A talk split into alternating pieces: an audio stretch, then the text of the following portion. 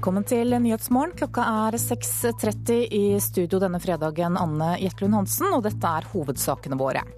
FN kritiserer innvandringspolitikken i Europa etter flyktningetragedien utenfor Italia i går. 130 mennesker er så langt funnet omkommet. I dag avsluttes rettssaken etter drapet på Sigrid Giskegjerde Skjetne. Dommerne skal avgjøre om tiltalte er tilregnelig eller ikke. Og psykologspesialist Pål Grøndal mener at norske dommere bør kurses i rettspsykiatri. Jeg mener at de bør ha tilbudet. Og, og 22. juli-saken viste jo hvor vanskelig dette her kan være. Og dersom du skal på ferie, når bør du bestille flybilletten for at du skal få den billigst mulig? Vi får besøk av en ekspert som skal gi deg noen råd.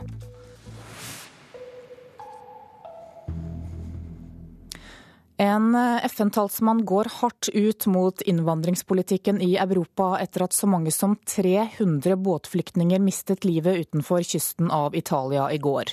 Francois Crepot mener dødsfallene delvis er et resultat av undertrykkelse av ulovlige innvandrere, og ber om styrkede rettigheter. 133 mennesker er så langt funnet omkommet etter at båten de satt i forliste, og over 200 er fortsatt savnet. Ho visto 93 sacche mortuarie con eh, quattro bambini. Jeg så 93 likposer. Fire var barn.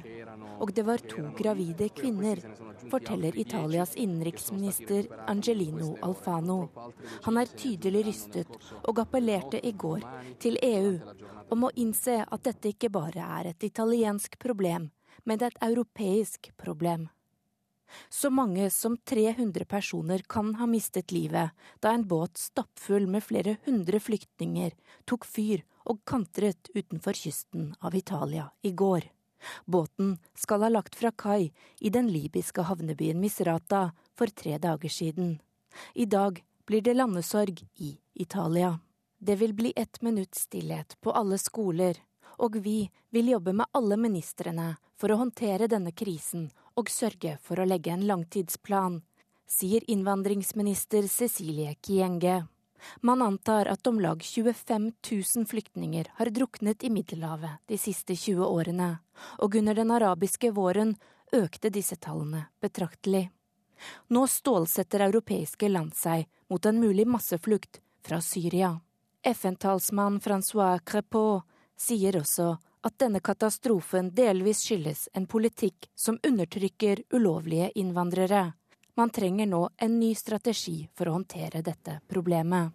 Det sa utenriksmedarbeider Charlotte Bergløff. Motivet til kvinnen som forsøkte å kjøre ned sikkerhetssperringene ved Det hvite hus i USA i går, er fortsatt uklart. Kvinnen ble drept etter en biljakt, men politimannen som ble såret er utenfor livsfare, opplyser den lokale politisjefen. I personally spoke with the officer, and he is doing well. He's a 23-year veteran of the United States Capitol Police, and he's doing uh, very well. Det hele startet da en kvinnelig bilfører forsøkte å kjøre ned sikkerhetssperringene ved Det hvite hus. Episoden resulterte i en biljakt som endte med en skyteepisode foran sjokkerte vitner ved Capitol Hill.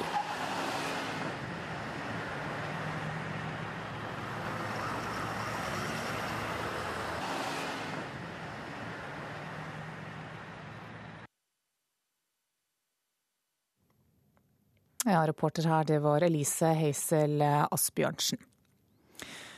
I dag avsluttes rettssaken etter drapet på Sigrid Giskegjerde Skjetne. Dersom den tiltalte 38-åringen blir funnet skyldig i drapet, så blir han enten dømt til tvungent psykisk helsevern eller til fengsel. Psykologspesialist Pål Grøndal mener at norske dommere har for liten erfaring med slike saker, og at de bør kurses i rettspsykiatri. Jeg mener at de bør ha tilbudet. Og, og 22. juli-saken viste jo hvor vanskelig dette her kan være. Retten er satt.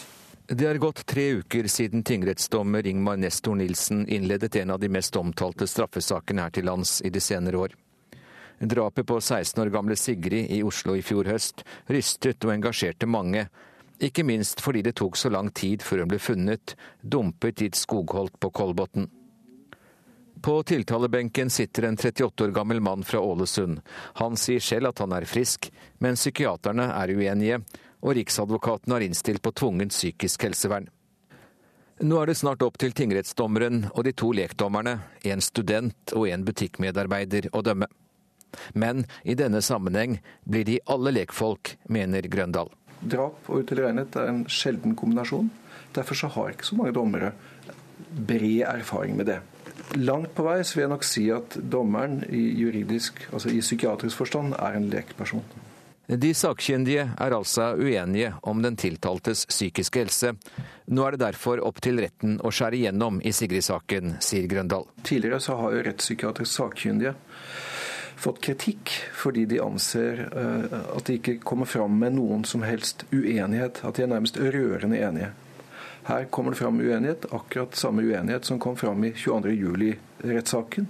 Og Det betyr også at retten må tre tydeligere fram og gjøre en selvstendig vurdering basert på de rådene de får fra de sakkyndige. Tilregnelig eller ikke, spørsmålet er alltid vanskelig, og kanskje overraskende for noen. Lekfolk har lettere for å dømme noen som utilregnelige enn fagfolk. Det viser en studie som bl.a. Grøndal gjennomførte for fire år siden. Folk flest vil kanskje tolke en gitt beskrivelse av en alvorlig psykisk lidelse mer i retning av utilregnelighet, fordi de kjenner ikke akkurat hvor grensene går. Sakkyndige vet nokså godt hvor grensene for utilregnelighet går, og det skal mye til. Selv om vi har hatt mye debatt om grensene er for lave, så skal det mye til før man anser en person som utilregnelig. Da skal man være ganske syk. Men fagfolkene har ikke alltid rett, sier Grøndal. Lekfolk sier at nei, det er ikke mulig å glemme et drap. Det var det en undersøkelse av Svein Magnussen som viste.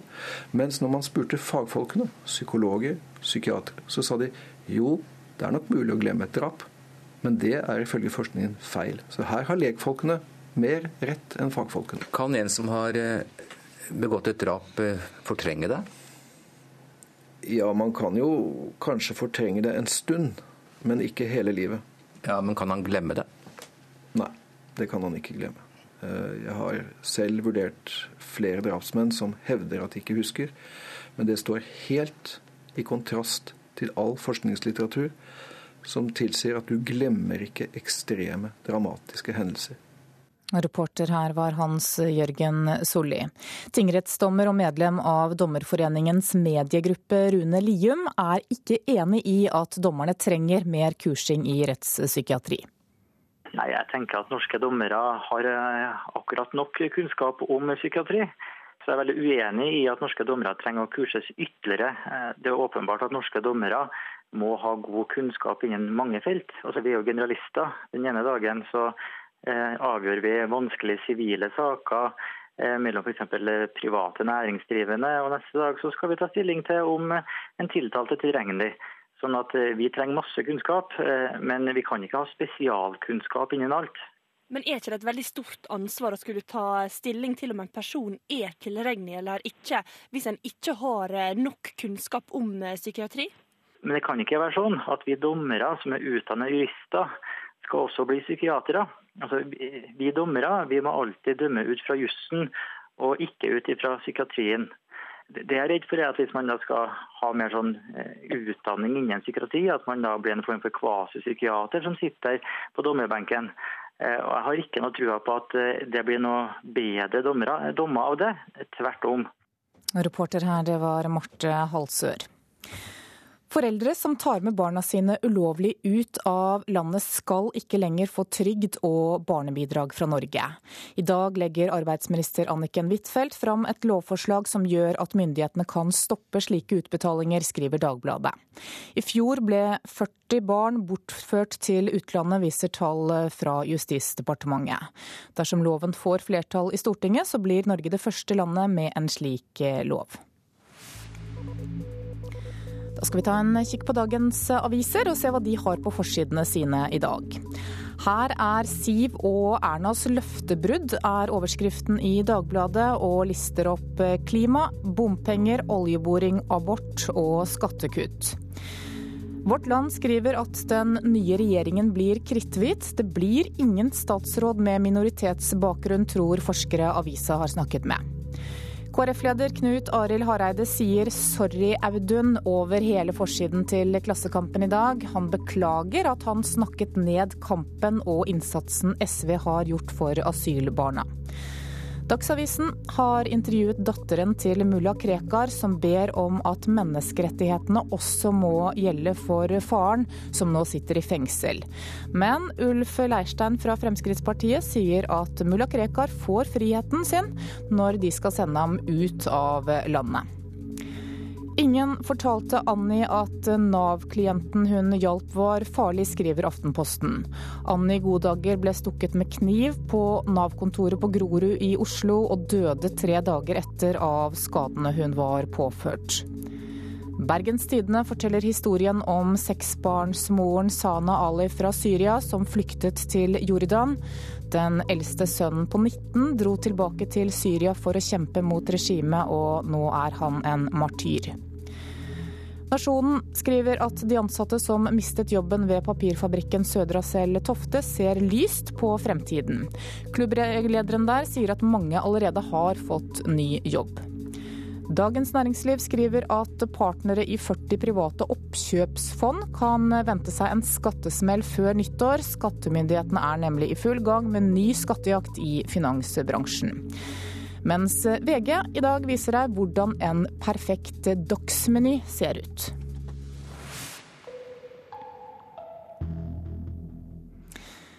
Dersom du vil sikre deg rimelige flybilletter, så lønner det seg å bestille minst tre dager før avgang. Når det er mindre enn tre dager til avreise, så hopper prisene markant oppover, ofte til det dobbelte. Det lønner seg å somle litt mindre, har reisebyrået Berg-Hansen funnet ut. God ettermiddag, mine damer og herrer. Kaptein Due og hans besetning ønsker velkommen om bord på denne SAS og Starlines-flyvningen til Oslo. Passasjerene på ettermiddagsflyet til Oslo fester setebelter og gjør seg klar til avgang. Men prisen den enkelte passasjer har betalt for å være med på flygninga over fjellet, varierer alt fra noen hundrelapper til et par tusen. Det er dyrt å somle, for å si det sånn. En tur-retur Oslo-Bergen eller Oslo-Stavanger koster ca. 1000 kroner tre dager før avreise. Venter du til to dager før, så må du fort ut med 2000 eller 3000 kroner. Altså flere tusenlapper i tillegg. Det går ei magisk grense på ganske nøyaktig tre dager før avreise, om en skal sikre seg rimelige flybilletter i Norge. Det har reisebyrået Berg-Hansen funnet ut etter å ha saumfart flyprisene på typiske jobbavganger på morgenen og ettermiddagen, forteller administrerende direktør Per Arne Villadsen. Det er fordi flyselskapene regner med at de som bestiller to dager før, må reise. Så da fjerner de alle billigbillettene to dager før. Er dette en ny trend? Ja, dette har nok, Det store bildet har jo vært at fly, hele flyindustrien jobber på denne måten. Men eh, vi vet at Norwegian strammet litt inn og la seg litt tettere opp til SAS nå tidlig i år, i 2013. NRK har snakka med travle kofferttrillere på vei til Gardermoen. Mange innrømmer at flybillettene også denne gangen ble bestilt litt vel seint. Ja, det er uke siden. En halv time siden. ja, denne gangen var det ikke så lenge før. Halvannen uke. Ja. Fikk du det billig? Um, ikke så veldig billig, nei. nei. Og sånn må det være, sier Norwegian. Fleksibilitet koster penger. I SAS forteller informasjonsdirektør Knut Morten Johansen at strategien er å ikke skape en forventning hos kundene om lavere priser rett før avgang. Nei, altså, Vi ville da fått en situasjon hvor eh, svært mange hadde endra sin atferd i bestilling av eh, flybilletter, og faktisk gjort det i siste liten og satsa på at det skal være billig helt til slutt. Det ville faktisk ha ødelagt hele forutsigbarheten som faktisk eh, alle parter er avhengig av. Og Vi er straks klare for start. Så da gjelder det kanskje å somle litt mindre neste gang du bestiller flybilletter.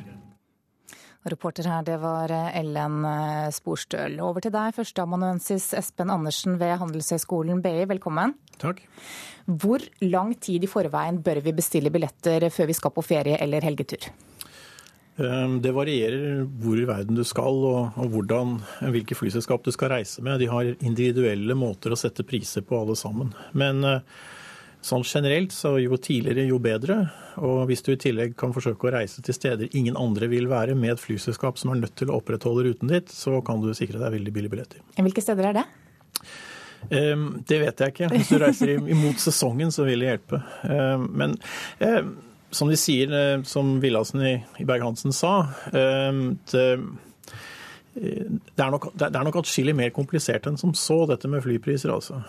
Fordi de det er ikke bare at de setter dem opp tre dager før. De, de setter de prisene det, er en vitenskap. De bruker svært avansert matematikk og operasjonsanalyse og helt masse ting bak for å sette disse prisene.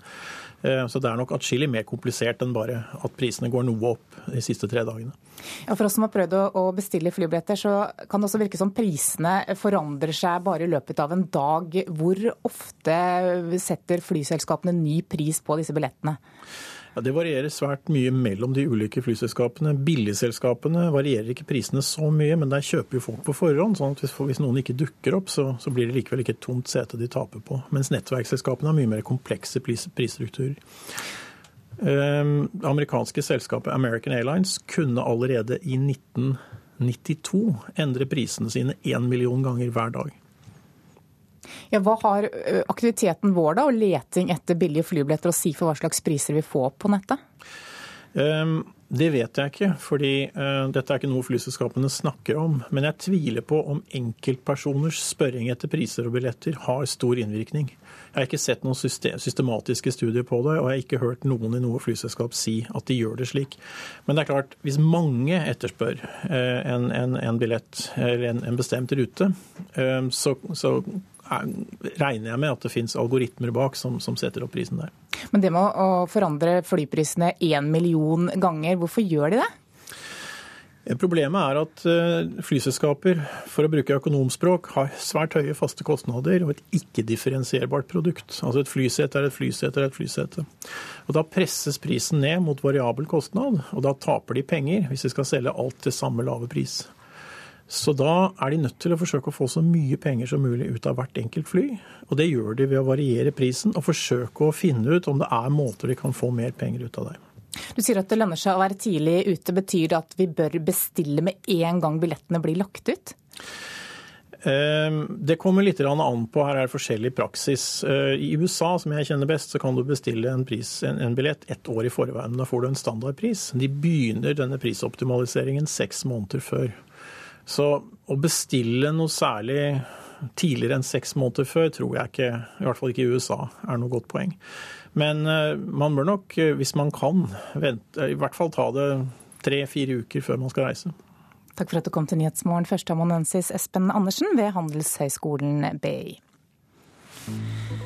Du hører på Nyhetsmorgen nå i NRK P2 og Alltid nyheter. Klokka er 6.48, og dette er hovedsaker i nyhetene i dag.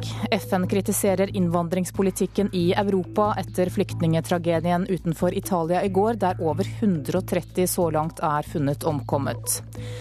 Norske dommere trenger kursing i rettspsykiatri, mener psykolog.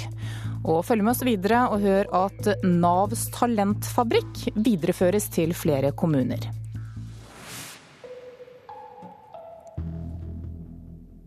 Men før det skal det handle om eh, proffboksing. Proffbokser Alexander Hagen tror det vil ta tid før vi får se proffboksing på norsk jord. I går varslet den kommende regjeringen at de vil oppheve forbudet mot proffboksing, men Hagen tror at den såkalte knockout-loven vil hindre både ham og Cecilia Brekkhus å konkurrere på hjemmebane. Foreløpig så setter jo knockoutloven en stopper for at det kommer til å bli arrangert noen stevner her i Norge. da. 24 år gamle Alexander Hagen har så langt rukket å gå to kamper som proffbokser. Han er glad for at den nye regjeringen ønsker å kvitte seg med proffbokseforbudet, men er samtidig realist med tanke på selv å få konkurrere i Norge. Knockoutloven regulerer bl.a. bruk av hjelm, lengden på rundene, samt vekt og størrelse på hanskene som brukes. Idrettspresident Børre Rognlien sier til NRK at det på ingen måte er noen garanti for at Idrettsforbundet vil gå i bresjen for å få fjernet knockoutloven. Han legger også til at Cecilia Brekkhus ikke er garantert en dispensasjon av knockoutnemnda dersom hun vil konkurrere på hjemmebane. Nei, det vil hun aldeles ikke få. Det må jo de da, som jeg sier, de må jo vurdere alle de sikkerhetsmessige bestemmelsene som er i loven. I går fortalte den kommende regjeringen og Frp-leder Siv Jensen at de vil oppheve forbudet mot proffboksing, og at det åpner for kamper i Norge. Det betyr at eh, Cecilia Brekkhus, som er en av Norges eh, absolutt største idrettsprofiler, nå får anledning til å utøve sporten sin eh, i eget hjemland. Alexander Hagen befinner seg for tiden i Berlin, der han forbereder seg til neste kamp 19.10. Han tror veien er lang før han kan ta flyet hjem til Norge for å konkurrere. Skal du søke om dispensasjon, så er det ganske mye som må klaffe for du får i gang et proffstevne. Sånn. Foreløpig så er det ikke noe i nær fremtid som blir arrangert. Altså. Fremskrittspartiets Per Sandberg sier til NRK at de ønsker å fjerne alt av hindringer som står i veien for proffboksing på norsk jord. Og reporter her, det var Mats Håby. Navs talentfabrikk videreføres til flere kommuner. Etter at Norges første talentfabrikk ble kjørt ved Nav-kontoret i Bamble i Telemark i fjor, så har andre kommuner ønsket å tilby unge dette kurset. Denne uka så hadde Nav på Notodden sitt første kurs for unge arbeidsløse. Så da er det jo rimelig strukturert òg, da. Det må det jo være. Ja. Hadde vi skrevet det? Bare de gode egenskapene skal opp på tavla, så alle kursdeltakerne kan se, svart på hvitt. Du er også ganske ærlig. Ja. Ja. Ja. 29 år gamle Stine Torbjørnsen har mange kvaliteter som er etterspurt i arbeidslivet. Men hun har problemer med å skaffe seg jobb etter at engasjementet hun hadde i forsikringsbransjen tok slutt. Det er viktig for alle mennesker tror jeg, å ha en jobb å gå til hver dag. Noe å stå opp for, føle at du er til til bruk for noe. At du fyller hverdagen din, og så er det jo viktig med lønn, da. 29-åringen er en av tolv deltakere på Talentfabrikken på Notodden, som starta opp denne uka. Vi må ha en plan. For uten en plan så kommer vi ingen vei. Og så må vi se litt på den planen. Norges første talentfabrikk ble etablert ved Nav-kontoret i Bamble i 2012. Og etter gode resultater videreføres kurset nå til andre kommuner. Det vi skal gjøre, er å bygge opp selvtilliten deres. Finne de gode egenskapene og ressursene som de har, gjennom å stille spørsmål på hva de uh, føler de er uh, gode på. Når er det de har energi? Hva er det som gjør at de får den energien? Hvordan kan vi gjøre mer av det? Det sier Nina Steinmoen, som leder kurset på Notodden. Kursene har som mål å hjelpe unge voksne til aktivitet i enten skole eller arbeid. Og da er nøkkelen å øke selvtilliten deres. Eh, mange av dem har veldig mange negative eh, opplevelser opp igjennom, eh, og dermed har en veldig tung bagasje å bære på. Noen har vel hørt at de aldri klarer noen ting, at de ikke får til noen ting. Eh, de har opplevd omsorgssvikt. Eh, de har aldri fått den der eh, kjærligheten eller den der oppbackingen gjennom livet. Det har liksom vært helt motsatt. Og da er det fryktelig tungt og vanskelig å tro at du kan klare å få til ting. Ved utgangen av september var det på landsbasis over 24 100 arbeidsledige under 30 år. Det er en økning på over 2300 fra samme måned i fjor. Talentfabrikkens kursdeltakere har som mål å snu den negative utviklingen. Målet er jo å få disse eh, ungdommene selvfølgelig tilbake på skolebenken for å få fullført og bestått videregående skole og få dem ut i jobb. Men vi skal bruke alle de virkemidlene vi har i Nav eh, og apparatet vi har til å kunne klare det. Og Stine Torbjørnsen er optimistisk. Hun har tro på at hun kan skaffe seg jobb eller praksisplass innen kort tid jeg trenger den hjelpen jeg kan få. Og så har jeg et jobbintervju neste uke, og da får jeg hjelp av Nav her og skal med sjefen her til torsdag og bli drilla i intervju.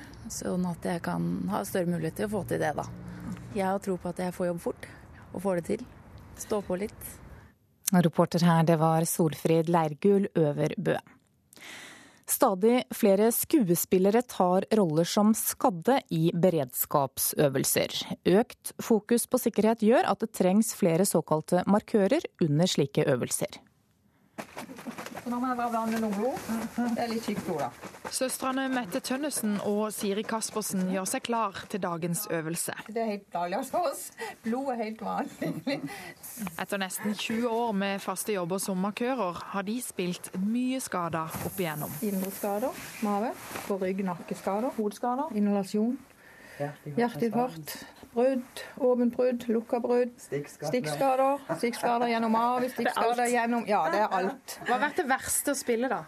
Og så Det er ikke vi- noe verst, det er så gøy. Ja, det er gøy. Flere beredskapsøvelser i f.eks.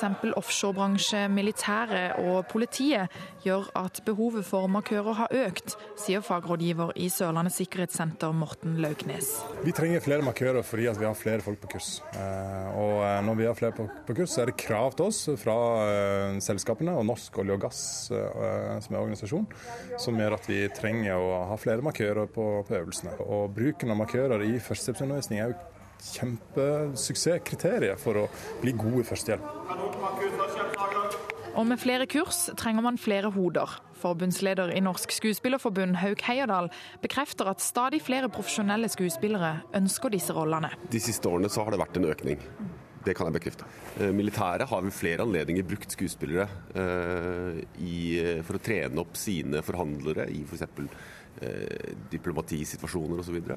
Vi vet også at eh, flere skuespillere tar oppdrag som markører for både Røde Kors og Sivilforsvaret. Her er det mulig å få spilt ut litt. Spilt litt smerte, spilt litt død osv. Så, videre. så eh, så dette er morsomme jobber. Kursdeltakerne klarte denne gang å holde søstrene i live. Men i jobben som markør opplever en mye, sier Siri Kaspersen. Vi får jo veldig mye rare behandlinger. Så det er ofte de ikke hadde overlevd eh, hvis det hadde vært Vi har dødd veldig mange. altså.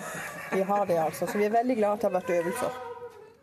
Reporter her, det var Mairi MacDonald. Det nye borgerlige stortingsflertallet kan komme til å skifte ut Jørgen Kosmo som riksrevisor til fordel for Høyres Per Christian Foss.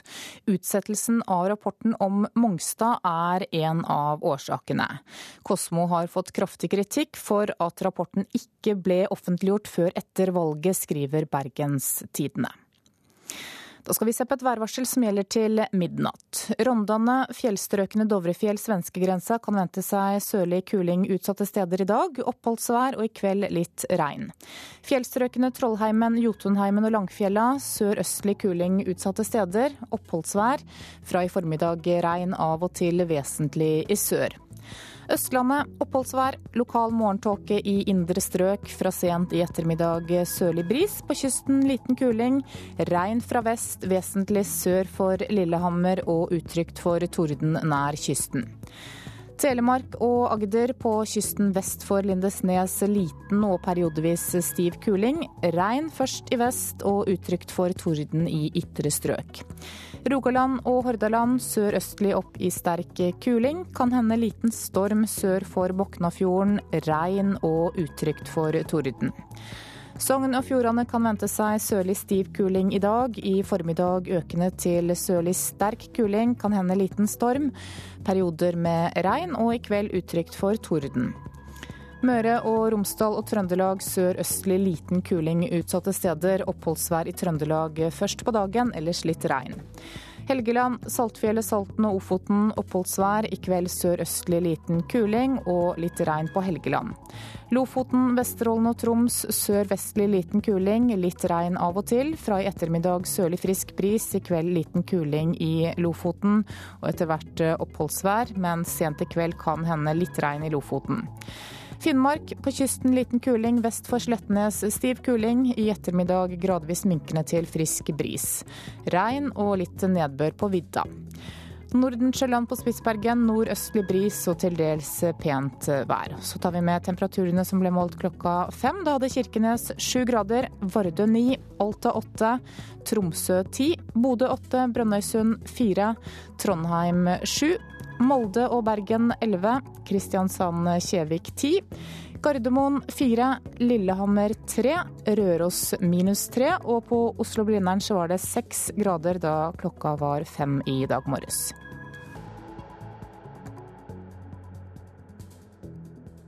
3.1.2005 startet selskapslivet her på P2. I snart ni år har det vært en fest å være sammen med deg, kjære radioselskapslytter.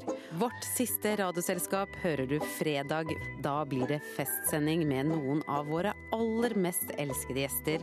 Stein Torleif Bjella og Ester Orkester spiller live. Så går Radioselskapet i dvale i et par måneder, før vi returnerer til radioen din med et helt nytt program. FN krever stans i byggingen av en stålfabrikk i India, som oljefondet er medeier i. Flypriser er vanskelig å beregne, mener ekspert, og venter du for lenge, kan det bli dyrt. Her er NRK Dagsnytt klokka sju. Åtte av FNs spesialrapportører krever full stans i byggingen av en stålfabrikk i India, der oljefondet er medeier. FN-ekspertene frykter at det foregår grove menneskerettsbrudd ved fabrikken.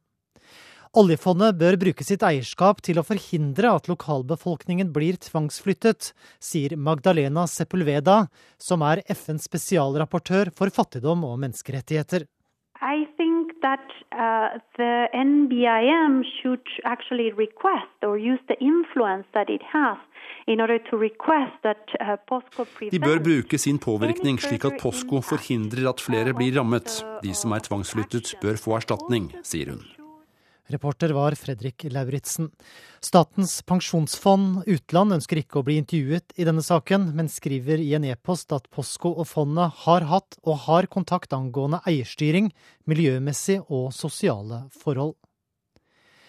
Foreldre som tar sine barn ulovlig ut av landet, skal ikke lenger få trygd og barnebidrag utbetalt fra Norge. I dag legger arbeidsminister Anniken Huitfeldt fram et lovforslag som gjør at myndighetene kan stoppe utbetalinger, skriver Dagbladet. Norge kan bli det første landet med en slik lov.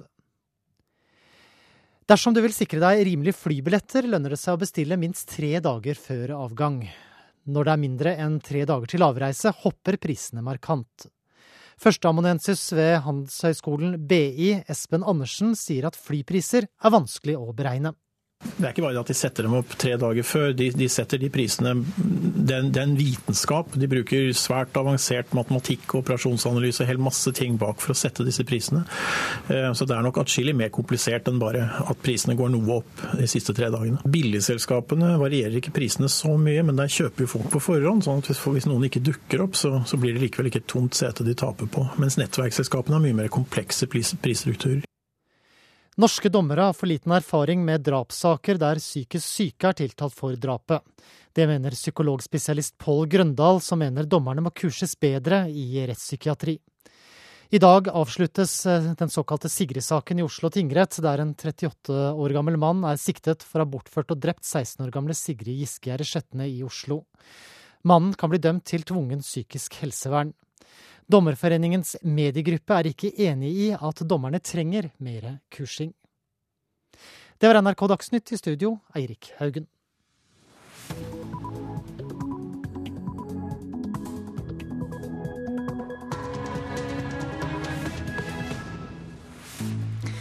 Er klokka 7.03 og Nyhetsmorgen fortsetter med Anne Jetlund Hansen i studio. Vi skal straks til vår europakorrespondent som er i Italia. Hun skal gi oss siste nytt om flyktningekatastrofen ved Lampedusa. Men først skal vi høre at barn og ungdom med spesielle behov forteller at de er blitt befølt av drosjesjåfører. I Akershus så er en sak under etterforskning nå, mens en annen anmeldelse nylig er henlagt. Min eh, stedatter hun skulle til skolen og har eh, taxitransport til skole. Noen elever kommer seg ikke til skolen på egen hånd. Funksjonshemmede, skadde eller syke har krav på skoleskyss. Det har også den 14 år gamle Bærumsjenta som ble henta utenfor huset sitt en vinterdag i år. På turen så begynte taxisjåføren å beføle på låret og spurte om hun hadde strømpebukse på seg. Forteller stefaren til jenta, som reagerte sterkt på hendelsen. Vi snakka også med skolen, og de hadde også reagert veldig. Så eh, Skolen insisterte veldig på at vi burde gå til politianmeldelse av det. Bærumsfamilien vegra seg for å anmelde saken, siden sjåføren visste hvor jenta bodde. Selskapet Konsentra har ansvaret for skoleskyssen i Akershus. Et par ganger i året får kvalitetsleder der, Jon Gunnar Aune, lignende klagesaker på bordet. Klagene går på at passasjerene har opplevd at sjåførene har vært nærgående eller lagt opp til å, å komme mer i kontakt med, med passasjerene enn det som er vanlig. Ifølge Konsentra er en slik hendelse under etterforskning i Follo politidistrikt, mens Romerike nettopp har henlagt en anmeldelse etter at NRK på onsdag fortalte om kvinner som opplevde ubehagelige hendelser i taxier, har historiene om taxitrakassering strømma inn. En mor som har en datter med nedsatt psykisk funksjonsevne, fikk en dag en livredd jente hjem fra skolen. Da var hun helt, helt hysterisk, kjempefortvila. Og vi dro med en gang ned på politiet for å anmelde dette her. Jenta fortalte at hun hadde blitt holdt fast og kyssa i bilen. Etterforskninga viste at sjåføren hadde tatt omveier og brukt lengre tid på hjemturen enn han skulle, men saken ble henlagt på bevisets stilling. Det reagerer mora på. Det er jo et eh, stort overtramp, og når man setter seg inn i en drosje, så bør man være trygg. Og i hvert fall hvis man kjører transport av funksjonshemmede, så må man forvente at man kommer trygt frem og ikke blir antastet av sjåføren. Andre sjåfører tar seg nå av skoleskyssen til 14-åringen i Bærum. Stefaren hennes vil ha strengere kontroll med dem som transporterer elever med spesielle behov. Det med eh, seksuell trakassering er eh, fullstendig uakseptabelt, uansett hvem det skjer med, eh, voksne eller barn. Men jeg tenker at en voksen person i større grad har mulighet til å sette grenser for seg sjøl, og til å reagere overfor en voksen, ofte mannlig da, person som sitter ved siden av i en bil, og at barn sånn sett er mye mer sårbare og utsatt. Reporter her, det var Kristine Svendsen, generalsekretær Liv Arum i, Arum i Funksjonshemmedes Fellesorganisasjon. Velkommen. Takk. Aller først så må jeg spørre deg, hvordan reagerer du på disse historiene som du hører her? Jeg vet jo at det skjer. Jeg har jo hørt disse historiene mange ganger.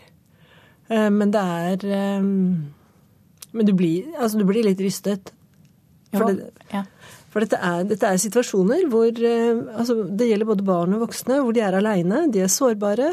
Og kan, mange av dem kan jo ikke sette seg til motvarge. ikke sant? Så du, du, blir helt prisgitt den som hjelper deg, om det nå er en sjåfør eller en, eh, en person som du har hjemme, i forhold til å hjelpe deg å komme opp om morgenen hjelper deg i forhold til altså dusje. Det er mange situasjoner hvor funksjonshemmede er helt avhengig av hjelp. Hva vet du om omfanget av eh, slike type overgrep? Her vet vi at mørketallene er store. Eh, og det er, eh, det er jo for funksjonshemmede som for alle andre at overgrepssituasjoner er veldig vanskelig å, å melde fra om. Fordi, nettopp fordi du er prisgitt ofte de personene du da eh, klager på. Eh, og du er prisgitt det å få hjelp fra noen andre. Og jeg tenker at i utgangspunktet så stoler jo så stoler vi på folk. Så det er, det er, en situasjon hvor du at hvor du opplever at de personene som du faktisk i utgangspunktet stoler på, svikter deg. Og, og, det er akkurat de samme barrierene for funksjonshemmede å anmelde denne type saker som det er for alle andre som utsettes for overgrep. Men det er et avhengighetsforhold i tillegg, og det gjør det jo mye vanskeligere, tenker jeg. Betyr at dere får høre om flere slike historier enn de som blir anmeldt til politiet eller til drosjeselskapene f.eks.? Ja, det gjør vi. Hva kan vi gjøre da for å kvalitetssikre denne typen transport, slik at barn ikke opplever det som vi hørte i reportasjen her? Jeg tenker at uh, drosjeselskapene må jo ta uh, et uh, stort ansvar. ved at de har etiske retningslinjer som de er flinke til å, å formidle ut til sine eh, løyveinnehavere eh, og sjåfører. Og jeg tror at når sånne saker som dette eh, kommer opp i media, så må de eh, legges fram for diskusjon i taxiselskapene. Altså, Taxisjåfører må på en måte utfordres til å ta disse diskusjonene seg imellom, sånn at du får en type holdning til at dette skal man, det skal ikke skje. Men tar de slike type diskusjoner? Jeg tviler på det. Men, men, jeg tenker jo også at det, det, hadde jo gått an å se for seg at man hadde et meldesystem på samme måte som man har i helsetjenesten i forhold til eh, uønskede hendelser. Eh, sånn at du Men det, det, måtte være anonymt, tror jeg. Eh, men da kunne du fått en type oversikt eller en type inntrykk av hvor store mørketallene vi har i dag. Takk for at du kom til Nyhetsmorgen, Liv Arum, generalsekretær i Funksjonshemmedes Fellesorganisasjon. Åtte spesialrapportører fra FN krever at byggingen av en indisk stålfabrikk der oljefondet er medeier, blir stanset øyeblikkelig. FN-ekspertene er redde for at det skjer grove brudd på menneskerettighetene i forbindelse med byggingen av gigantfabrikken. For et halvt år siden så kritiserte OECD oljefondet for at det har investert i selskapet som bygger denne fabrikken. Indisk politi med hjelm, skjold og batonger nærmer seg en liten gruppe barn som sitter på bakken. Noen av de små blir dratt bort etter armen, og flere begynner å gråte. Det er det multinasjonale selskapet Posco som bygger den digre stålfabrikken øst i India. Et selskap Statens pensjonsfond utland eier 1% av. I årevis har det vært bråk rundt prosjektet, og påstanden er at 22 000 fattige indere blir tvangsflyttet. Medieoppslagene har vært mange. Uh, Nå reagerer FN i form av åtte spesialrapportører. De ber om at POSCO-prosjektet stanses umiddelbart. We calling for the government of India to stop the project until all the human rights concerns are addressed sier Magdalena Sepulveda, FNs spesialrapportør for fattigdom og menneskeretter. Hun har også en klar oppfordring til verdens største investeringsfond, oljefondet. I think that uh, the NBIM should actually request or use the influence that it has de bør bruke sin påvirkning slik at POSCO forhindrer at flere blir rammet. De som er tvangsflyttet bør få erstatning, sier hun. Ja, dette går utover de absolutt svakeste, de som ikke har hatt noe annen måte å forsørge seg og familien på enn en liten jordlapp. Nå fordrives de til ingenting. Gunhild Ørstavik i paraplyorganisasjonen Forum har tidligere klaget på oljefondets eierskap i Posco, og i mai fikk hun medhold fra OECD. Det norske fondet burde undersøkt påstanden om menneskerettighetsbrudd, het det da. Nå er Ørstavik oppgitt. Jeg syns det er en stor skam. Vi har etiske retningslinjer som vi har vært veldig stolt av, og som vi også har støtta lenge. og hvor etikken er i å være inne i et selskap som Posco uten å gjøre noen ting det er eh, helt uforståelig. Posco er et desidert verstingselskap også i verdensmålestokk når det gjelder brudd på menneskerettighetene, og nå er det altså bekrefta fra verdens fremste menneskerettighetseksperter. Reporter her, det var Fredrik Lauritzen. Statens pensjonsfond utland ønsker ikke å stille til intervju i denne saken, men i en e-post skriver de at de følger denne saken, og at Posco og fondet har hatt og har kontakt angående eierstyring og miljømessige og sosiale forhold. I dag avsluttes rettssaken etter drapet på Sigrid Giskegjerde Skjetne. Dersom den tiltalte 38-åringen blir funnet skyldig i drapet, så blir han enten dømt til tvungent psykisk helsevern eller fengsel. Psykologspesialist Pål Grøndal mener at norske dommere har for liten erfaring med slike saker, og at de bør kurses i rettspsykiatri. Jeg mener at de bør ha tilbudet. Og, og 22.07-saken viste jo hvor vanskelig dette her kan være. Retten er satt. Det er gått tre uker siden tingrettsdommer Ingmar Nestor Nilsen innledet en av de mest omtalte straffesakene her til lands i de senere år. Drapet på 16 år gamle Sigrid i Oslo i fjor høst rystet og engasjerte mange, ikke minst fordi det tok så lang tid før hun ble funnet, dumpet i et skogholt på Kolbotn. På tiltalebenken sitter en 38 år gammel mann fra Ålesund.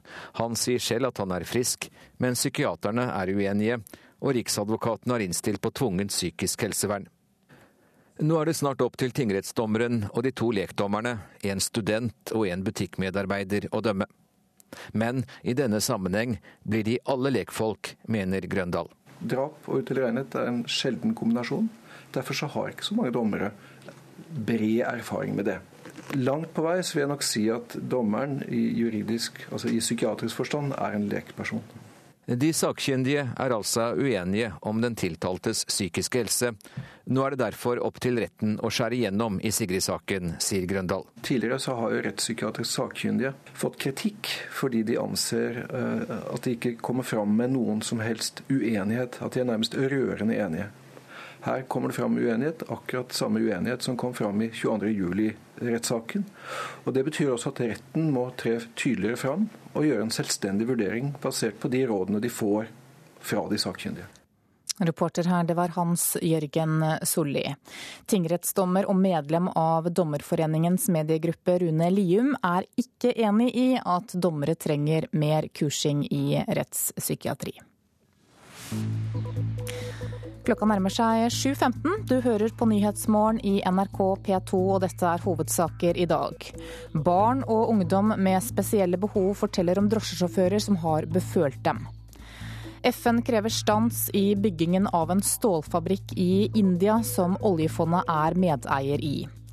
Og følg med oss videre. Det er flere overvektige barn på bygdene enn i byene, og det skal du få høre mer om om noen få minutter. Men aller først skal vi til Italia. Der er det landesorg i dag etter flyktningetragedien utenfor kysten av Lampedusa i går. Så mange som 300 mennesker kan ha omkommet da en båt med over 500 personer om bord kantret utenfor øya. Og en FN-talsmann går nå hardt ut mot innvandringspolitikken i Europa. Europakorrespondent Åse Marit Befring, du er i Palermo nå. Hva skjer der i dag? Ja, jeg er i, i, Palermo, men i Italia så er det erklært én uh, dags uh, landesorg i dag. Både skoler og offentlige institusjoner vil holde ett minutts stillhet. Og selv om Italia er vant til slike dødsulykker som uh, dette, så er dette her et, en mye større ulykke enn vi har sett på flere år. Lampedusa er nå igjen på verdenskartet som porten til Europa for desperate flyktninger fra Afrika. Hvor omfattende er dette problemet blitt? Ja, Det er enormt og kan bli verre, fordi at uh, krisen i Syria fører til at uh, veldig mange forsøker å flykte unna krigen. Bare i år til Italia så er det kommet uh, 30 100 mennesker på, med båt som har flyttet over eh, Middelhavet. Det er en tredobling fra i fjor. Det største enkeltlandet det er Syria. Og Det man frykter nå, det er jo at eh, man kommer til å få en bølge av syriere som kommer, slik man så eh, under krigen i Libya. Italia ber nå resten av Europa om hjelp til å håndtere flyktningstrømmen. Hva må gjøres? Det er et enormt eh, problem, og det er for lite som eh, blir gjort. Det mener både EU og Italia. Og altså Spesielt alle disse sørlige landene. de ser at dette er et eh, enormt et problem de ikke klarer å håndtere selv. Italias innenriksminister sier at han vil ta hele saken til Barroso, presidenten i EU, og si at her er dere nødt til å håndtere dette sammen med oss. Fordi at vi klarer ikke dette her alene. EU-kommissær Cecilia Malmström sier hun ønsker et felles lovverk. Eh, og Det er på tide at det kommer, mener Italia. Hadde det ikke vært for oss, så hadde enda flere dødd. 16 000 har de reddet på havet så langt i år. Og så er det fortsatt eh, over 200 mennesker som er savnet etter forliset i går. Da mista vi kontakten med også Marit eh, Befring. Vi går videre til deg, statsviter og professor Steinar Stjerne ved Høgskolen i Oslo og Akershus. Velkommen. Takk for det. Flyktningetragedien ved Lampedusa overskygger fullstendig et helt annet drama som nå utspiller seg i Italia, nemlig det politiske. Og aller først, eh, kan du kort fortelle hvordan har den siste uken forløpt i italiensk politikk? Den har brakt det største nederlaget som Silvio Berlusconi har opplevd i sin, sine 20 år i politikken.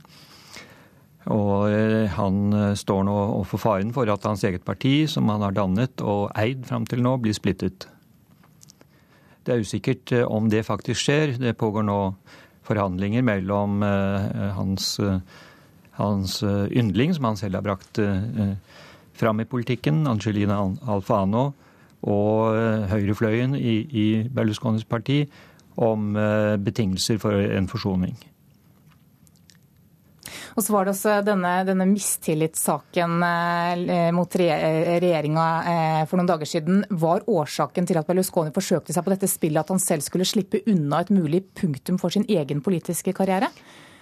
Eh, nei, det var nok et desperat forsøk på å velte spillet i, i siste liten, og så frambringe, frambringe et nyvalg. Og Berlusconi har jo vært alltid en seierherre, nesten alltid en seierherre i, i valgkamper. Og kan det spillet bedre enn de aller fleste. Men det var en kolossal feilvurdering av dels stemningen ute i det italienske folk, og, og, og dels stemningen i hans eget parti, som var veldig lite stemt for en regjeringskrise nå, med alle de kostnadene det ville brakt for, for Italia. Og så skal det i dag etter planen være en avstemming om hvorvidt han skal utvises fra italiensk politikk. Hvordan skal dette foregå? Ja, Det foregår i eh, den delen av det italienske parlament som eh, heter Senatet, og hvor det sitter erfarne politikere. Og de skal stemme over om de skal iverksette en lov som ble vedtatt for to år siden nå, om at den som er dømt til mer enn to års eh, fengsel, ikke har rett til å møte i, i parlamentet.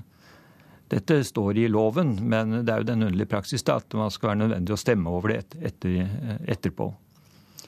Eh, alle regner med at det er sannsynlig eh, at det blir flertall for dette.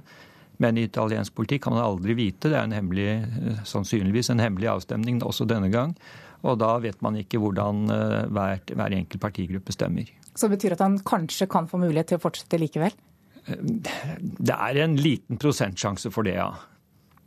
Berlusconi har sluppet unna med mye også tidligere. Kan du gi en veldig kjapp oppsummering? Han har eh, nå vært involvert i ca. 20 rettssaker. Og han har, eh, mens han var statsminister, fått vedtatt en rekke lover som har gjort eh, foreldelsesfristen mye kortere, slik at han har sluppet unna en rekke av disse rettssakene. Han har forsøkt å vedta lover som gir han immunitet Eh, mot rettsforfølgelse mens han er, er, politiker. Og det har han ikke lykkes med, for det strider mot uh, Grunnloven. Og så ble han nå omsider da uh, dømt i tredje instans, altså Høyesterett, for skattevindel. Og det er den dommen som skal iverksettes nå. Takk for at du kom til Nyhetsmorgen, statsviter og professor Steinar Stjernø ved Høgskolen i Oslo og Akershus. Da skal vi ta en kikk på dagens eh, aviser og se hva de har på forsidene sine i dag. Her er Siv og Ernas løftebrudd, er overskriften i Dagbladet og lister opp klima, bompenger, oljeboring, abort og skattekutt. Vårt Land skriver at den nye regjeringen blir kritthvit. Det blir ingen statsråd med minoritetsbakgrunn, tror forskere. KrF-leder Knut Arild Hareide sier 'sorry, Audun' over hele forsiden til Klassekampen i dag. Han beklager at han snakket ned kampen og innsatsen som SV har gjort for asylbarna. Dagsavisen har intervjuet datteren til mulla Krekar, som ber om at menneskerettighetene også må gjelde for faren, som nå sitter i fengsel. Men Fremskrittspartiets Ulf Leirstein sier at Krekar får friheten sin når regjeringen sender ham ut av landet. Ingen fortalte Annie at Nav-klienten hun hjalp var farlig, skriver Aftenposten. Annie Godager ble stukket med kniv på Nav-kontoret på Grorud i Oslo, og døde tre dager etter av skadene hun var påført. Bergens Tidende forteller historien om seksbarnsmor Sana Ali fra Syria som flyktet til Jordan. Den eldste sønnen på 19 dro tilbake til Syria for å kjempe mot regimet, og nå er han en martyr. Nasjonen skriver at de ansatte som mistet jobben ved papirfabrikken Sødra Cell Tofte, ser lyst på fremtiden. Klubblederen sier at mange av dem allerede har fått seg en ny jobb. Dagens Næringsliv skriver at partnere i 40 private oppkjøpsfond kan vente seg en skattesmell før nyttår. Skattemyndighetene er nemlig i full gang med ny skattejakt i finansbransjen. Mens VG viser deg hvordan en perfekt dagsmeny ser ut på sin forside i dag.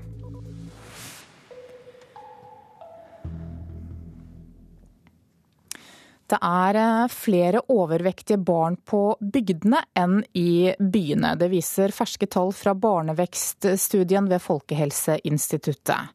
Resultatene viser at det er 50% flere overvektige barn i små kommuner enn i store. At de er godteri nå enn det var før. At det var liksom lettere å få tak i det. Og usunn mat er jo billigere enn sunn mat. Så da er det flere som kjøper det. Ungdomsskoleelevene Hanna Camilla Kokkin og Anna Bjørnseth ved Åsnes ungdomsskole på Flisa er ikke overvektige, men ser at stadig flere rundt seg blir det. De er for late da, og sitter mye inne og spiller på PC og sånne ting. Fireårskontrollen særlig, så ser vi det, at det er en økning. Helsesøster Wenche Nygaard i Åsnes i Hedmark ser at stadig flere barn utvikler overvekt. Det er bekymringsfullt, absolutt. Og vi vet jo at barn som sliter med overvekt, de sliter ofte og psykisk. Ferske tall fra barnevektstudien ved Folkehelseinstituttet viser at unger i småkommuner har betydelig større risiko for overvekt. Det er riktig det. Vi har så mye som opptil 50% større forekomst i små kommuner sammenlignet med store kommuner. 50% Ja. sier forsker Anna Biel ved Folkehelseinstituttet og Senter for sykelig overvekt i Helse Sør-Øst, Sykehuset Vestfold. Over 3000 åtteåringer på 125 skoler over hele landet har deltatt i studien, som er den største som er gjort om overvekt og fedme blant barn i Norge. Resultatet viser at risikoen for overvekt og fedme er opptil to ganger større for en åtteåring på bygda enn i byen. Skal man kunne klare å gjøre noe med en vekt, så er det jo ikke bare aktivitetene det står på, det er også kostholdet. Altså det å kun øke på aktivitet, det, det gir gramreduksjoner, mens å endre på kostholdet, da kan man klare kilo man trenger ikke gjøre det så veldig vanskelig. Altså Hvis man på en måte griper fatt i det her med lørdagsgodt igjen, og så skiller man på helg og hverdag. Det er én ting. Og så tar man tilbake hverdagsaktiviteten. Og så er det det at foreldre må våge å være voksne. De må våge, våge å være foreldre og ta konfliktene. At sånn er det. Det er vi som bestemmer. Reporter var Stein S. Eide. Den nasjonale leksehjelpordningen fungerer ikke og må endres. Det mener Høyres utdanningspolitiker Elisabeth Aspaker. I dag så er det leksehjelp for barn fra på første til fjerde trinn på barneskolen, men både Høyre og rektor Barbro Reiertsen ved Bodøsjøen skole mener at leksehjelp heller bør tilbys eldre elever. Hva er det du sitter og jobber med i dag? Noe kjedelig. Noe kjedelig? Hva er det som er så kjedelig her, da? Lekse. Tredjeklassingene ved Bodøsjøen skole i Bodø kunne nok heller tenkt seg en time med frilek. Men på planen står det at det er tid for leksehjelp. Leksehjelpen skal våre bare i ett kvarter, minst. Eh, nettopp. I ett med Og vi kunne, gå, vi kunne gå rett etter skolen, og når, og når eh, vi hadde gjort ferdig leksen, så kunne vi bare stukke. Selv om disse elevene helst vil slippe, har det siden 2010 vært obligatorisk for alle landets grunnskoler å tilby leksehjelp til elever på første til fjerde trinn, og dette minimum én time i uka per trinn. Men ordningen står nå i fare, for stortingsrepresentant for Høyre Elisabeth Aspaker mener ordningen ikke fungerer og vil ha den endra. Høyre har vært veldig kritisk til at den leksehjelpa blir satt inn på første til fjerde årstrinn, når skolen sjøl melder tilbake at behovet er langt større lenger opp i skoleløpet. Senere på barnetrinnet og ikke minst på ungdomstrinnet. Så vi ønsker å fjerne den lovfestinga som gjør at eh, skolen ikke har nok fleksibilitet til å sette inn hjelpa der den trengs. Og Høyre får støtte fra rektor i Bodø, som NRK har snakket med. Barbro Reiertsen, rektor ved Bodøsjøen skole, mener at den halve milliarden som staten bruker på leksehjelp, også burde vært brukt på eldre elever. Ja, det tror jeg. Jeg tror kanskje at vi kunne ha gitt det enda bedre. Man kunne ha brukt, fordelt det bedre. Mm. Kanskje ikke vært én til fire, men at det kanskje har vært ja, jevnt og trutt. Og den halvtimen her og en halvtime der, og at du kunne få det lenger opp i systemet også. Men hun som fikk leksehjelpen inn i skolen, syns det er trist om ordningen forsvinner. For avtroppende kunnskapsminister Kristin Halvorsen mener det vil være et tilbakeskritt om Høyre fjerner den i dag etablerte lovpålagte leksehjelpen. Jeg syns det er trist hvis de eh, tredje- og fjerdeklassingene som i dag har gode erfaringer med leksehjelp i SFO-tiden, og dermed kan gjøre seg mer ferdig med skolearbeidet før det blir eh, ettermiddag og kveld. Hvis de skulle miste det tilbudet, det syns jeg er synd. Og det tror jeg veldig mange, både elever og foreldre, vil eh, savne. Halvorsen er samtidig klar over hva som skal til for å få det slik rektoren og Høyre påpeker, men tviler på at den borgerlige regjeringen vil ta tak i det. Det krever eh, enten at kommuner og skoler finner plass til det innenfor sine egne budsjetter, eller at staten fortsetter å trappe opp. Det har jo ikke høyresida lovt noen penger til. Så vi får se hva det blir til. Men Elisabeth Aspaker er klar på at dette kommer til å bli prioritert. Høyre mener det er en utfordring at eh, skoleeiere som i dag eh, ønsker å sette inn leksehjelpa senere, faktisk må gjøre seg til lovbrytere for å, for å kunne gjøre det. Så Derfor er det jo så viktig for oss å fjerne denne loven som pålegger at leksehjelpen skal skje fra første til fjerde trinn. Det er utvilsomt mange meninger i saken om leksehjelp, og forskjellige meninger er det også blant ungene på leksehjelpordningen. Hva syns du om å være her på leksehjelpa, Er det morsomt? Ja. Reporter her, det var Henning Råe Foss Lien. Produsent for Nyhetsmorgen i dag, det er Marit Selmer Nedrelid, og her i studio, Anne Jetlund Hansen. Hør ekko. Bønder i Norge sprøyter ugressmiddelet glyfosat i tonnevis utover jordene sine. Dermed får vi brød på bordet hver dag. Men nå viser det seg at også glyfosaten blir med inn i kroppene våre. Så mye at selv Nasjonen, landbrukets egen avis, blir skremt. Men er det farlig for mennesker? Ekko 9 11 i NRK P2.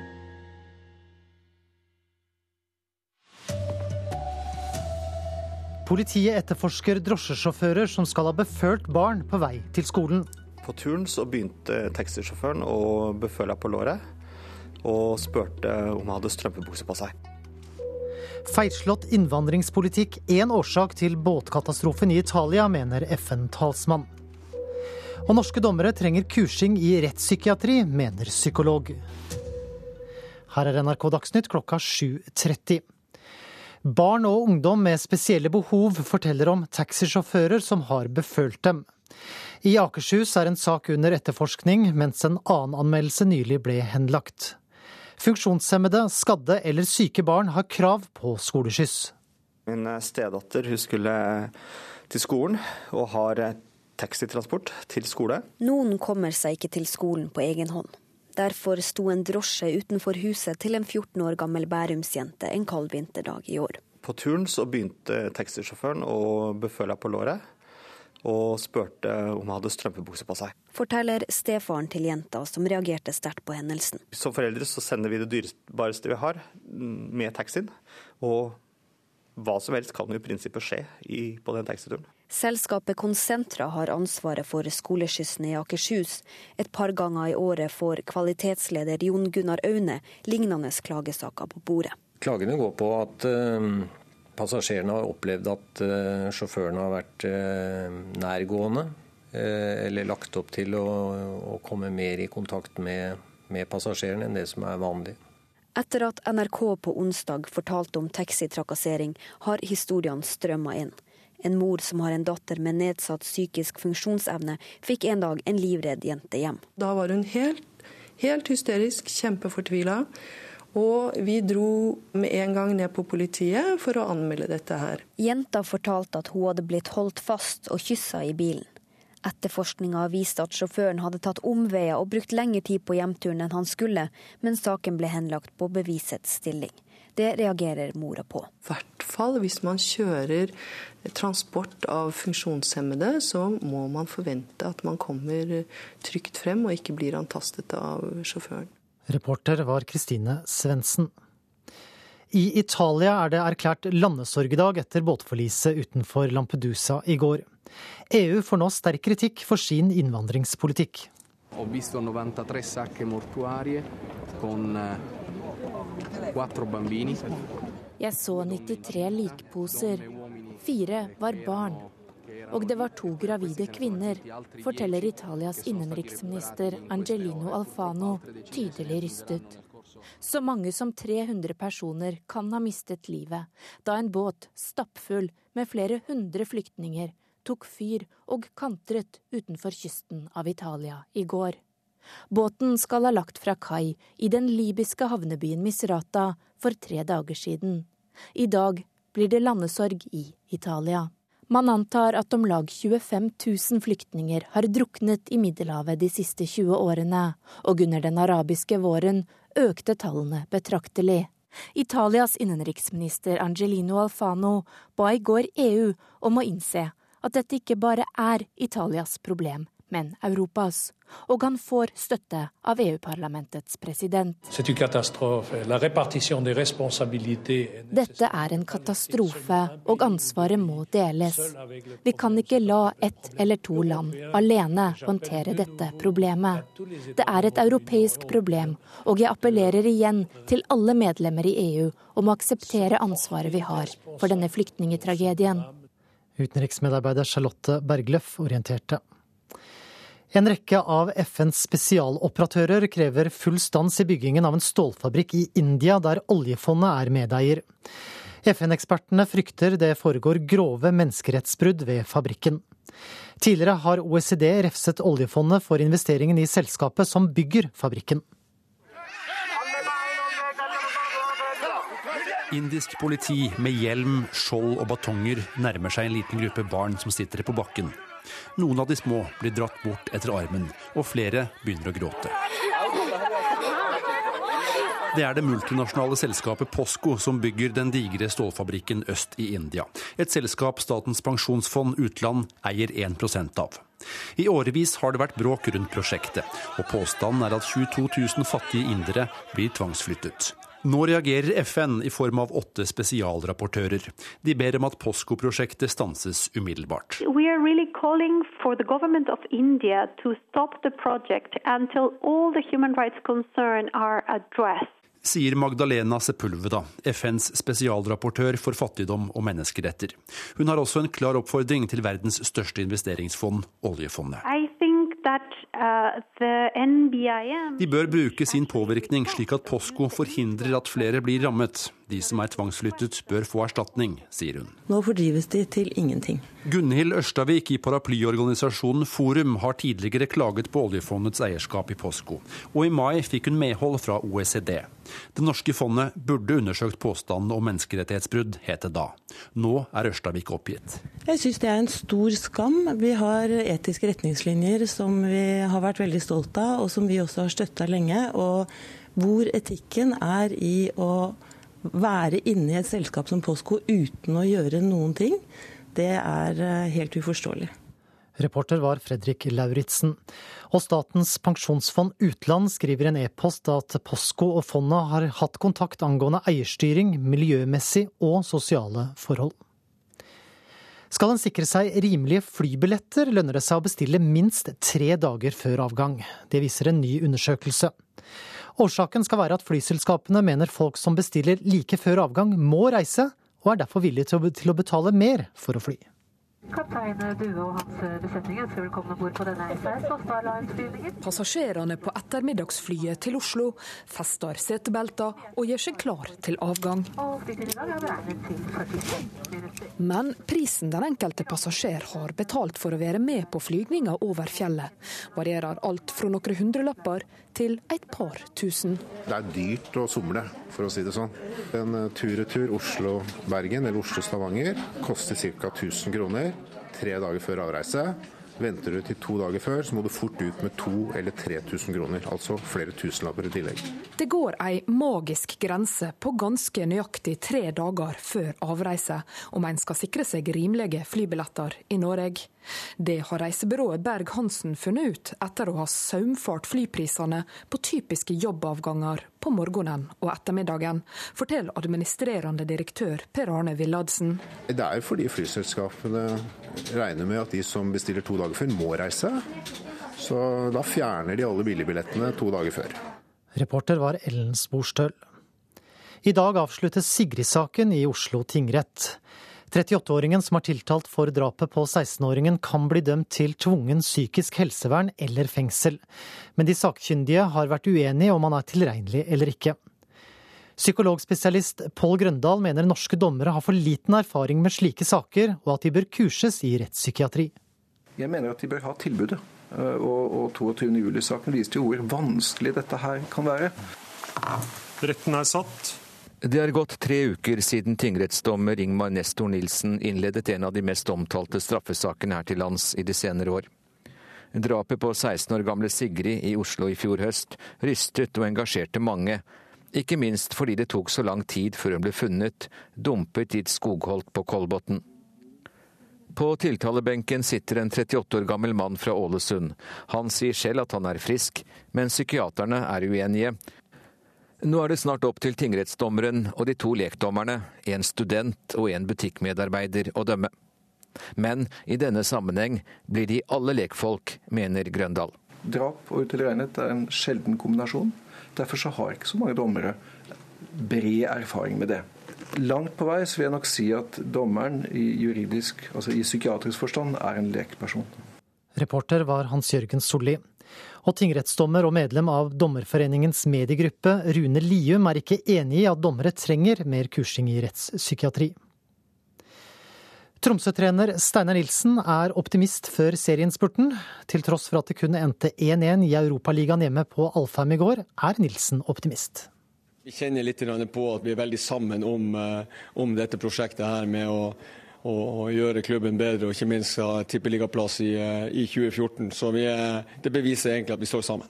Tromsø ligger på kvalifiseringsplass i Eliteserien, og på søndag venter Molde. Reporter var Mats Håby. Ansvarlig for denne sendinga er Elin Pettersen, teknisk ansvarlig Per Ivar Nordahl, og her i studio hørte du Eirik Haugen.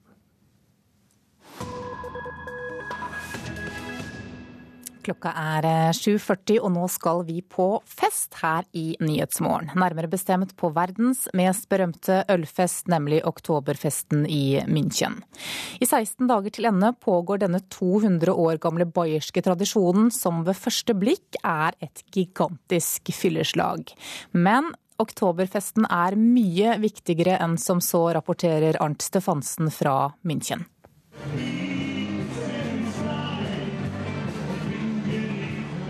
Man må se det før man tror det. I et gigantisk telt sitter mer enn 5000 mennesker rundt langbord og heller i seg øl av literstore glass. Det er en stemning og et lydnivå som er en sen nattetime verdig.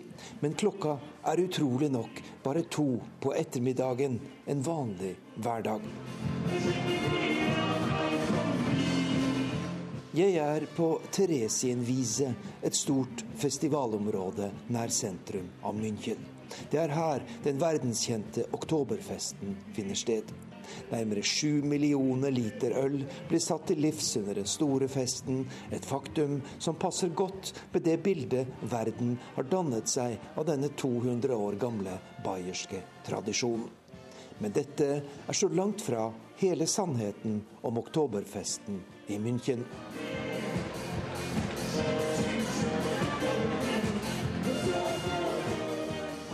I Bayern går klokkene annerledes, lyder et gammelt ordtak. Og det er ingen fornærmelse å si at den sørtyske delstaten er annerledeslandet fremfor noe her i Tyskland. Det er et sted der klisjeene er blitt en livsform. Dypt konservativt, øl og lærbukser, bondekost, hornmusikk osv. For den kunnskapsløse er det noe latterlig ved Bayern, og oktoberfesten bidrar sikkert til dette.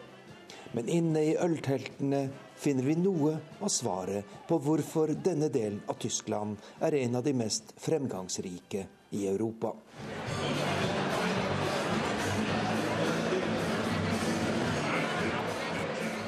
Mer enn 60% av dem som svinger seidelen i kollektiv lykke i ølteltene her i München, er invitert av noen av verdens fremste selskaper. BMW, Siemens, Allianz, Munich Re og flere andre verdensnavn har sine hovedkvarterer her i den bayerske hovedstaden. Og den beste gave de kan gi sine kunder og partnere over hele verden, er en reise til den verdenskjente øl festen. Og for firmaene selv er goodwillen de skaffer seg, en uvurderlig kapital. Oktoberfesten er definitivt big business, og folk har penger. For Bayern er en av Tysklands rikeste delstater, og ikke nok med det. Denne for enkelte noe lattervekkende regionen er faktisk best i det meste her i Tyskland. Levestandard, karrieremuligheter, høyere utdanning, sysselsetting og livskvalitet. Et gammelt tysk kongedømme er blitt Tysklands mektigste og mest selvbevisste delstat. Og folk i Bayern har skjønt det. Den som mangler røtter, er dårlig rustet til å møte fremtiden. Deres slagord er laptop og lederhose, moderne og tradisjonell og de kan fint leve med at folk ellers i verden tror at det de er best på, er øl og ompa-ompa.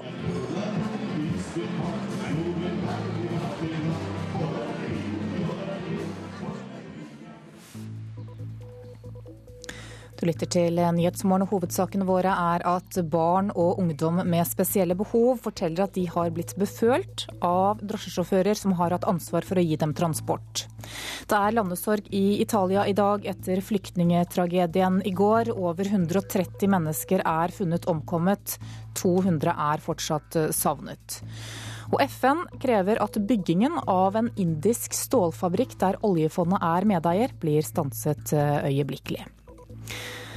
Da er det klart for Politisk kvarter, og du får besøk på høyt nivå i dag, programleder Bjørn Bø. Den ypperste folkevalgte kommer, men også både Bondelaget og Kristelig Folkeparti. Knut Arild Hareide angrer omtale av SV. Har han i tillegg bondeanger?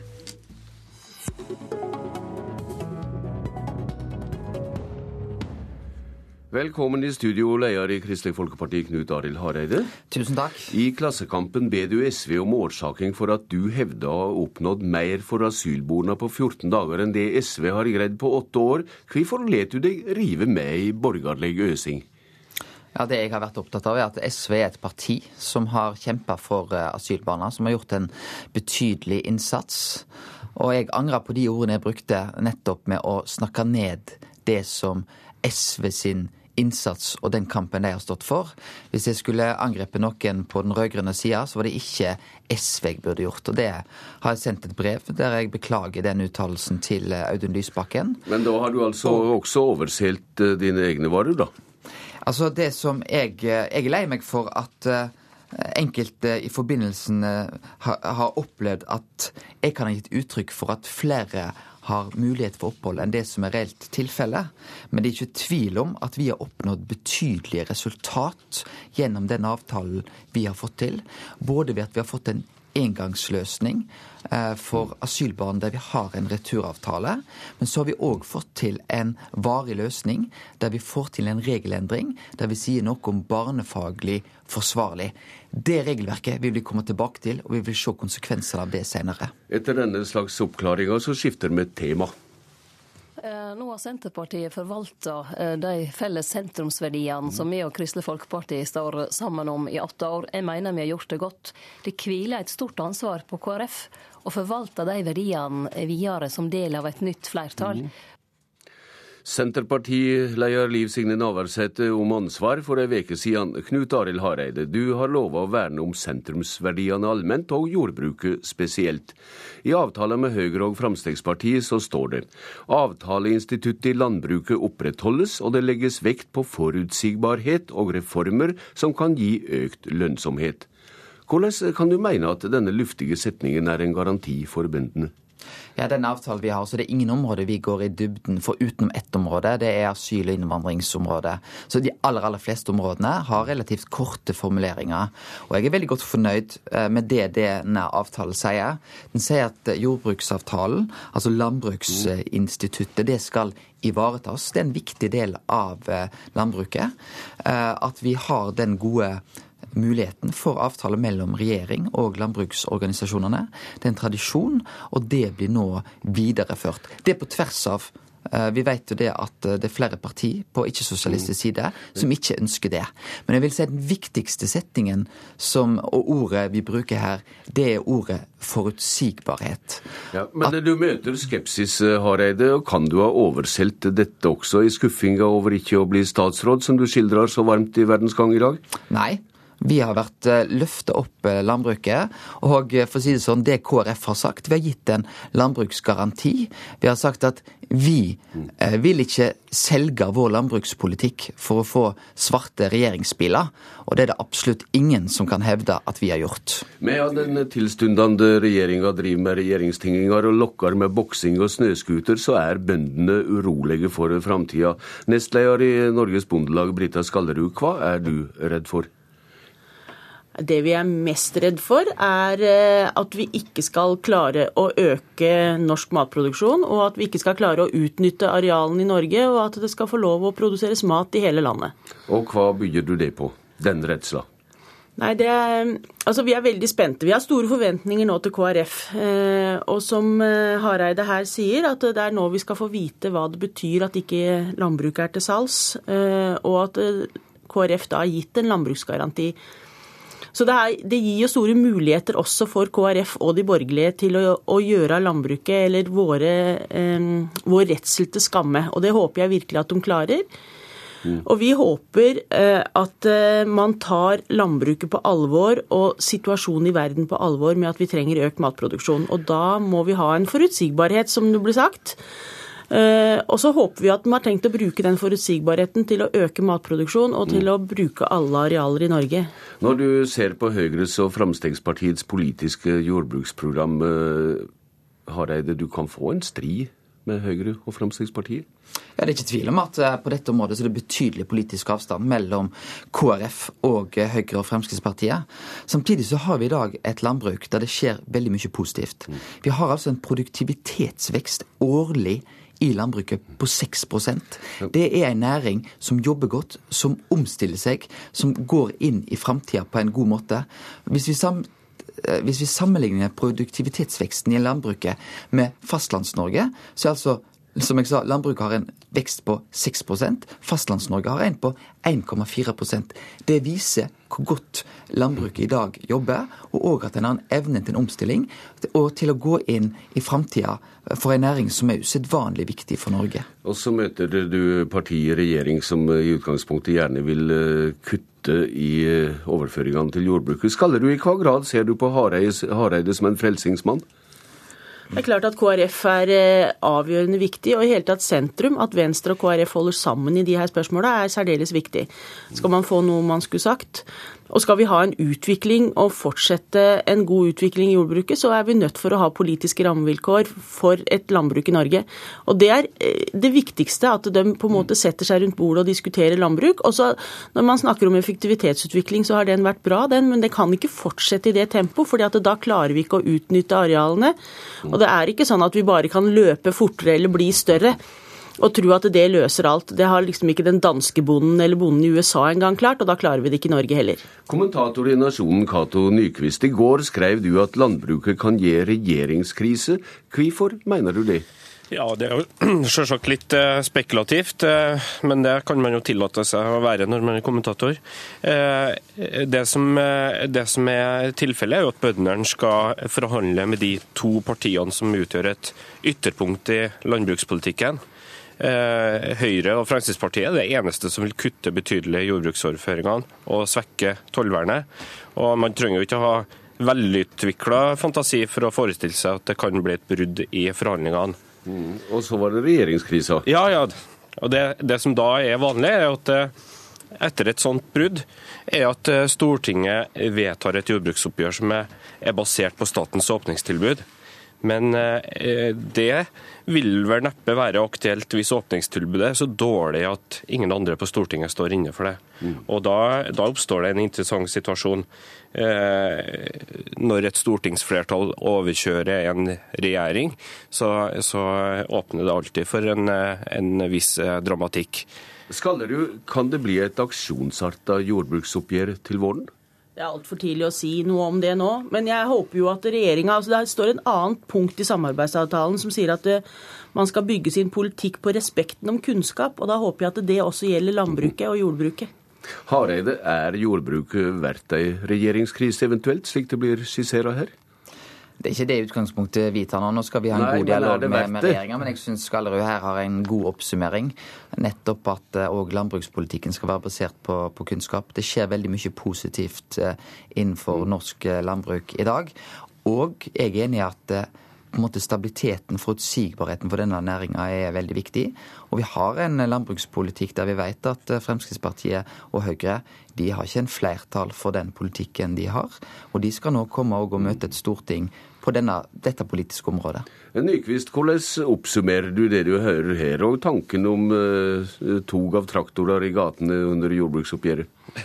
Nei, Jeg hører jo at det er en klar strategi fra bonde, Bondelaget å holde en eh, åpen dialog med sentrum, og spesielt da KrF. Eh, og og Jeg skjønner også litt den eh, skepsisen som, som, eh, det gis uttrykk eh, for fra Bondelagets side. Det er jo påfallende at avtalen ikke inneholder et eneste produksjonsmål. Mm. Når vi vet at i landbruksmeldinga så er det det helt sentrale. ikke sant, At selvforsyningsgraden skal, skal opprettholdes på minst på dagens nivå. Vi får se når de tilstundende regjeringspartiene kommer med sin regjeringserklæring. Takk til Knut Arild Hareide, Brita Skallerud og Cato Nyquist.